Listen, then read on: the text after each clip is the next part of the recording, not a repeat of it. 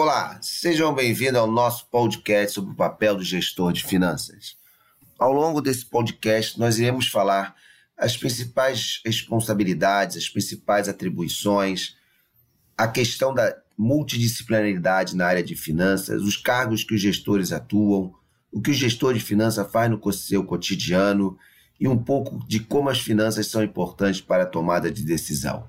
Ok? Venha com a gente! O gestor de finanças é uma área muito importante nas empresas. Ele é responsável pela montagem do fluxo de caixa, identificar os pagamentos, os recebimentos, fazer a previsão, também atuar na área de orçamento e planejamento financeiro.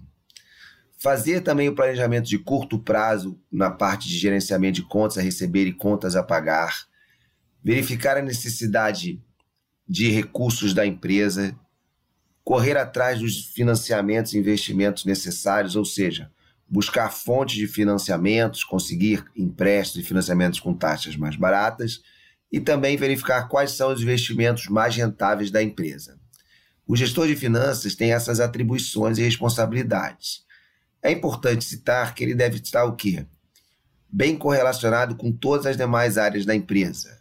Então, por exemplo, se uma área industrial vai dobrar sua produção, com mais planta fabril, se uma outra área vai aumentar fortemente o investimento em tecnologia.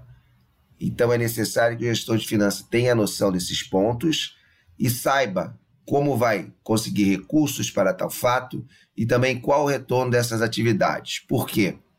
Algumas atividades podem ser desejadas por algumas áreas, mas pode não trazer o retorno esperado para a empresa. Então, o gestor de finanças deve estar atento de medir também a rentabilidade esperada de novos projetos. Uma pergunta que sempre aparece na área de finanças é qual deve ser a formação que uma pessoa deve ter para atuar nesta área. A área de finanças não tem uma formação específica que deve ser como a área de medicina, que para atuar você deve ser médico. Diversas áreas, como na área de administração, economia, ciências contábeis, os cursos de gestão, até áreas de engenharia também, existem muitos assuntos de finanças. O estudo né, é muito importante nesta área. Às vezes a pessoa estuda sozinha, a pessoa procura um curso, a pessoa faz pós-graduações na área de finanças que vão complementar o seu estudo para ser um gestor de finanças. Uma coisa relevante é que a área de finanças e estudos também servem muito para a pessoa física, para a gestão dos recursos das famílias. Fazer gestão do seu dinheiro não é uma coisa fácil. Você tem que ter noção quanto recebe, quanto paga, fazer um orçamento, fazer um controle, ter noção dos investimentos que podem ser para você obter algum produto que deseja de maior valor, às vezes uma viagem, um imóvel. Então, como fazer que o retorno da sua carteira de investimento seja ajustado ao seu desejo. Você também tem um perfil de risco, você deve conhecer esse perfil de risco. É muito importante que você tenha essa noção. Então, a área de finanças, ela não é somente para empresas, ela também pode ser para as pessoas físicas, as famílias.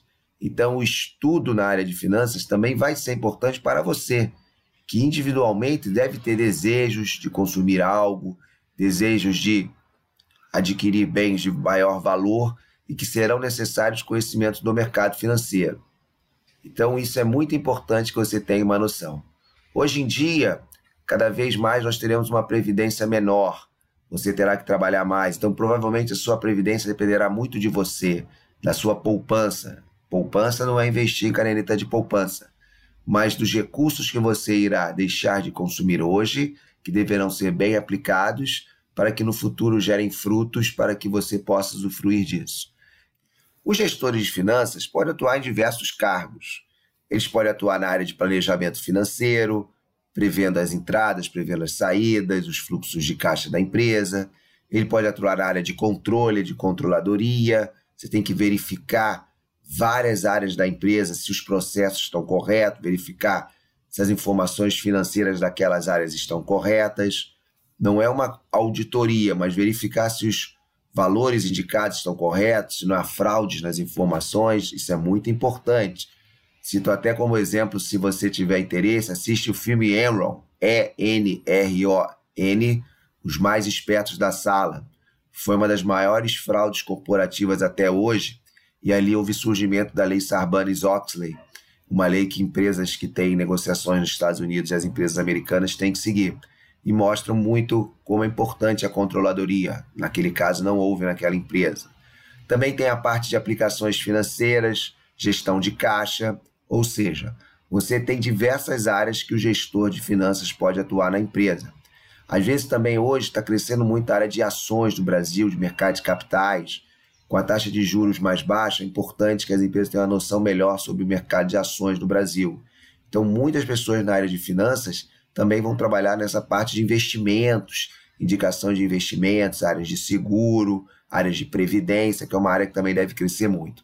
Então, nós estamos vendo que a área de finanças contém diversos pontos, diversas áreas, diversos tipos de cargo, diversos cargos empresariais em que você pode atuar. As perspectivas do gestor de finanças para as empresas, para sua empregabilidade, é elevada. Nós não conseguimos ver uma empresa que ela não tenha uma área de gestão de caixa, que ela não tenha uma área de gestão de planejamento financeiro. É claro que quando a empresa é muito pequena, às vezes o profissional, ele o quê? Ele agrega tanto a área de finanças, área de marketing, área de vendas, área de produção, mas quando uma empresa vai ficando um pouco maior, é necessário um profissional na área de finanças para ver o, quê? o planejamento financeiro, ver de onde vão captar recursos. Isso é muito importante. A área de finanças, às vezes, também tem uma correlação com a área tributária. Então, tem empresas que têm uma carga tributária muito elevada, como na área de indústria de bebidas e indústria de cigarro.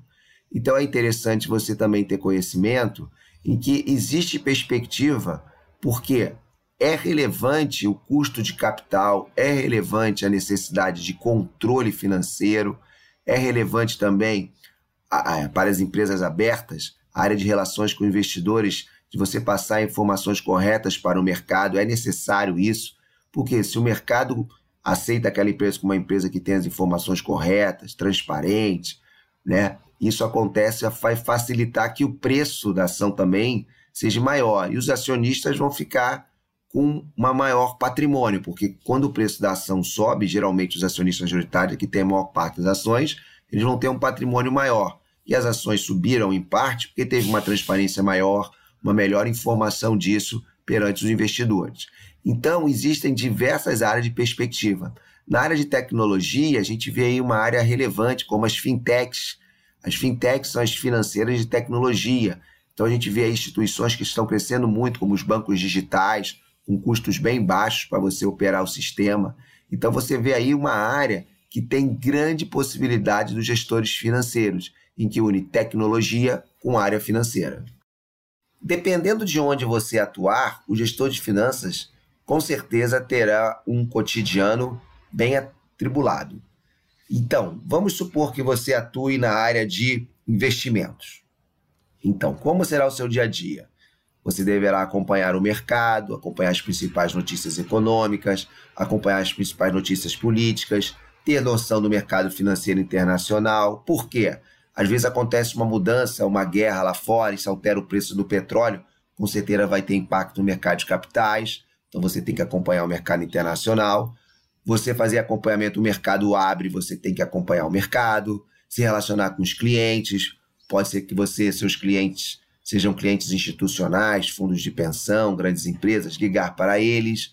Você também pode ter clientes pessoa física, fazer um acompanhamento. Muitas pessoas hoje têm escritórios de assessoramento de investimento. Então, esse seria o dia a dia, como por exemplo, de um profissional na área de finanças, na gestão de recursos. Um profissional na área de finanças, como numa indústria, ele tem que acompanhar a taxa de juros, o que está acontecendo, acompanhar formas de você captar novos recursos, acompanhar também o seu fluxo de caixa, se está entrando caixa, se está saindo caixa, acompanhar se o que você vendeu está entrando, porque se a inadimplência aumentar, medidas devem ser tomadas. Às vezes você tem um projeto de investimento, saber se aquele projeto está andando para que você coloque mais recursos, porque também se o projeto não está andando, você vai botar dinheiro, aí vai perder recursos. Então ele vai ter que ter toda essa noção. além de acompanhar o caixa no dia a dia, saber os pagamentos, os recebimentos.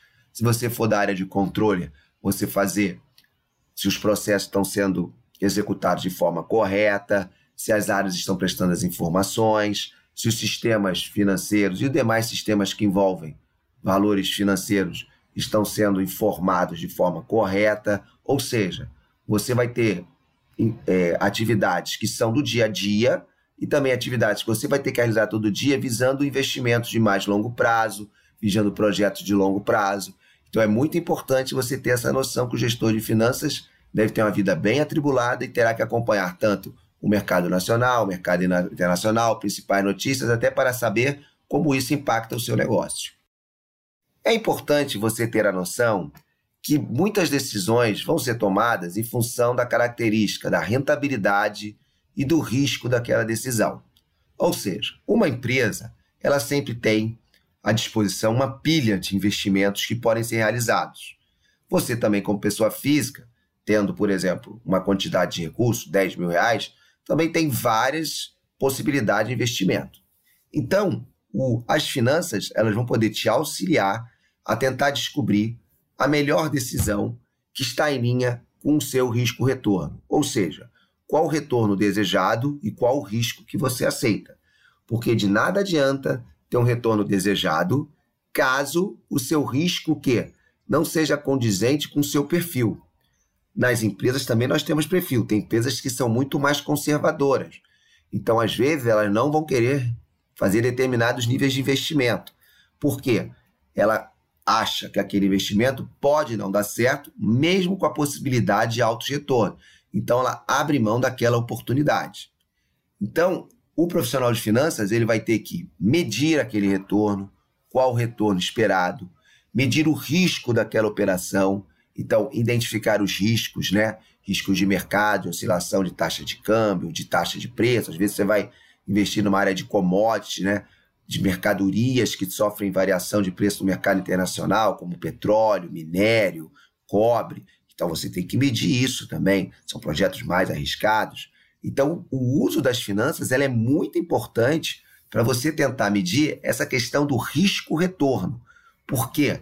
Porque desta forma, uma empresa e também uma pessoa pode ter uma carteira de investimentos um portfólio de investimentos, diversificando o seu risco e tentando maximizar o seu retorno.